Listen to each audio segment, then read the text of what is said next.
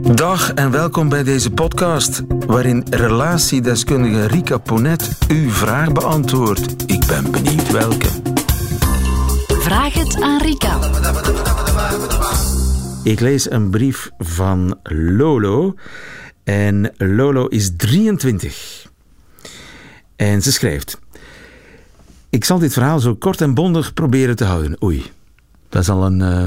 Klinkt ingewikkeld, ja. Dus het wordt een lang verhaal. We gaan ervoor zitten. Lolo. Lolo schrijft: Ik ben opgegroeid in een gezin van vier kinderen. Mijn ouders gingen uit elkaar toen ik tien was. Mijn moeder werd een alleenstaande moeder die altijd de eindjes aan elkaar probeerde te knopen en daardoor lange uren klopte op het werk. Mijn vader daarentegen besloot om een nieuwe liefde te zoeken in een exotisch land en verbleef daar ook maandenlang, jaren aan een stuk. Bijgevolg verbleven mijn brussen, brussen, broers en broers zussen. En Ja. Nesties hebben wij ook al eens ja, bedacht. Nesties. Mooie, mooie, ja. Bijgevolg verbleven mijn nesties en ik, wanneer het de beurt was aan mijn vader, bij mijn grootouders. Drie jaar geleden kwam mijn moeder met een nieuwe man thuis. Ik woonde toen in een co-housing en was niet veel thuis, maar na een half jaar kwamen ze allebei langs in bovengenoemde co-housing en vertelden me dat ik en enkel ik het resultaat was van een affaire die zij 24 jaar geleden hadden gehad toen mijn moeder al getrouwd was met mijn officiële vader. Right, dit voelde en voelt nog steeds als een groot verraad, omdat ik zelf niet heb mogen kiezen om mijn biologische vader en nieuwe vriend van mijn moeder te leren kennen. Hij staat erop om met een schone lei te beginnen, maar we zijn twee jaar verder intussen en ik vind het nog altijd moeilijk om me voor hem open te stellen of zelfs te weten of ik wel een band wil met deze man. Zeker omdat ik zo goed als zonder vader ben opgegroeid. Wat het nog ingewikkelder maakt, is dat mijn moeder nog steeds een relatie met hem heeft en dit ook gevolgen heeft voor mijn band met haar.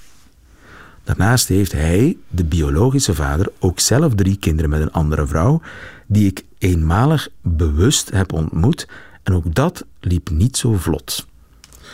Weten jullie raad, schrijft Lolo, 23. Oh. En uh, ja, in, inderdaad een moeilijke zaak. Een afwezige vader die dan plotseling niet je echte vader blijkt te zijn. Ja.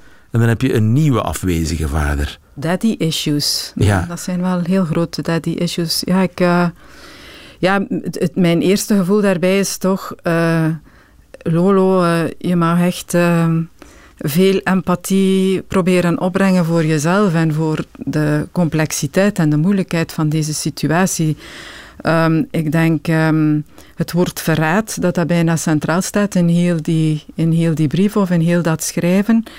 In eerste instantie uh, je vader, waar je van dacht dat dat je vader was, die op je tiende uh, de deur uitgaat en eigenlijk niet meer naar jou omkijkt. Dat is verraad dat, nummer dat, één. Dat is verraad nummer één. Mensen zijn daar uh, in, ja, vaak een leven lang mee bezig om daarin dan ergens toch hun plaats of hun bestaansrecht voor zichzelf uh, waar te maken.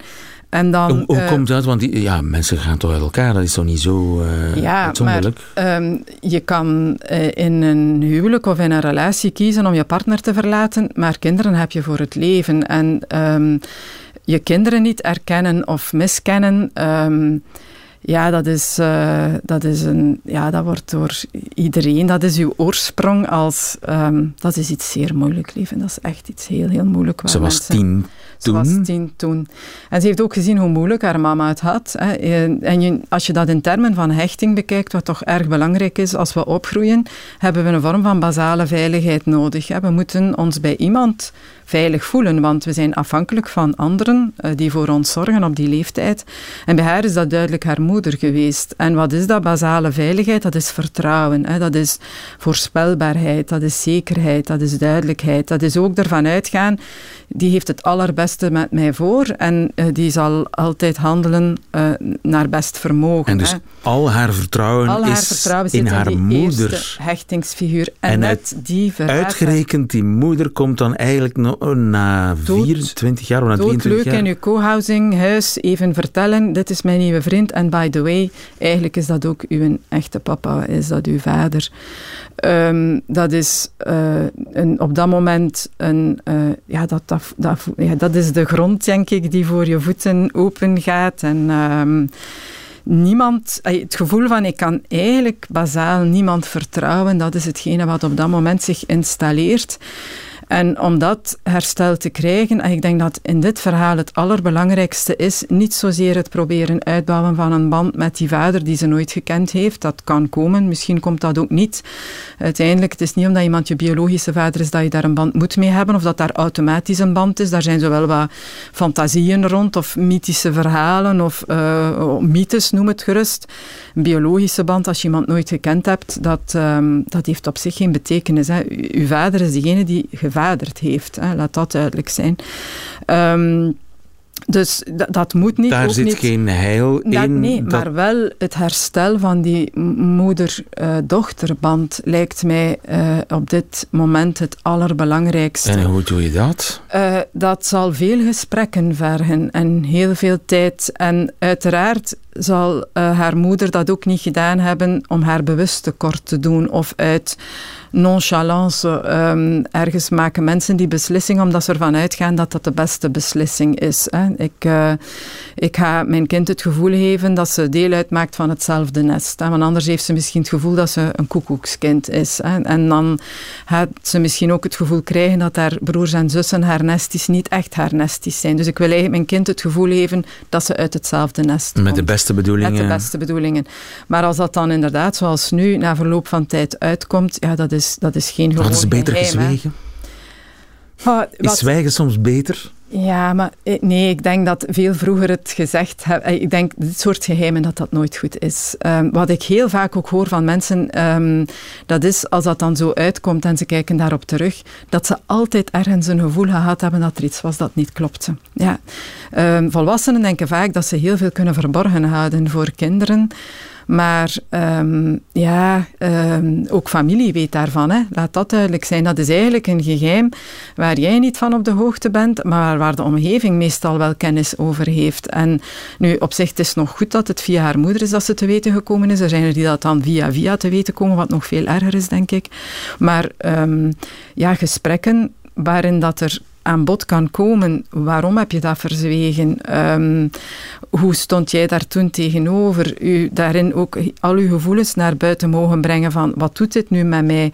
Dat heeft ook tijd nodig ja. hè, om daar terug een vorm van herstel te ervaren. Ze, ze, moet er, ze moet er wel aan beginnen. Ze kan er niet voor kiezen om te zeggen van dan maar Ik, geen Nee, weet je, je kan een tijdje afstand nemen uh, omdat je dat nodig hebt. Hè, om dat voor jezelf ergens... Um, uh, ja, uh, om die eerste shock te boven te komen. Ik denk ook in een dergelijk verhaal, ik zeg dat niet vaak van, we hebben dat hier eigenlijk nog nooit gezegd, denk ik, van ga maar in therapie of zo. Ik denk hier iemand consulteren die u wat kan ondersteunen, dat dat zeker een verstandige keuze zou zijn.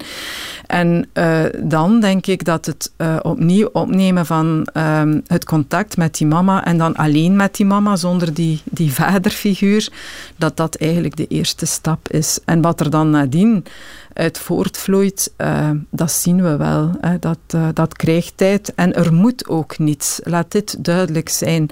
Uh, ik hoop dat ze vooral in staat is om zichzelf nu op de eerste plaats te zetten en te beseffen. Um, hier heb ik tijd voor nodig. Wat zij mij aangedaan hebben, dat is kei moeilijk. En um, ja, dat is ook niets wat je zomaar.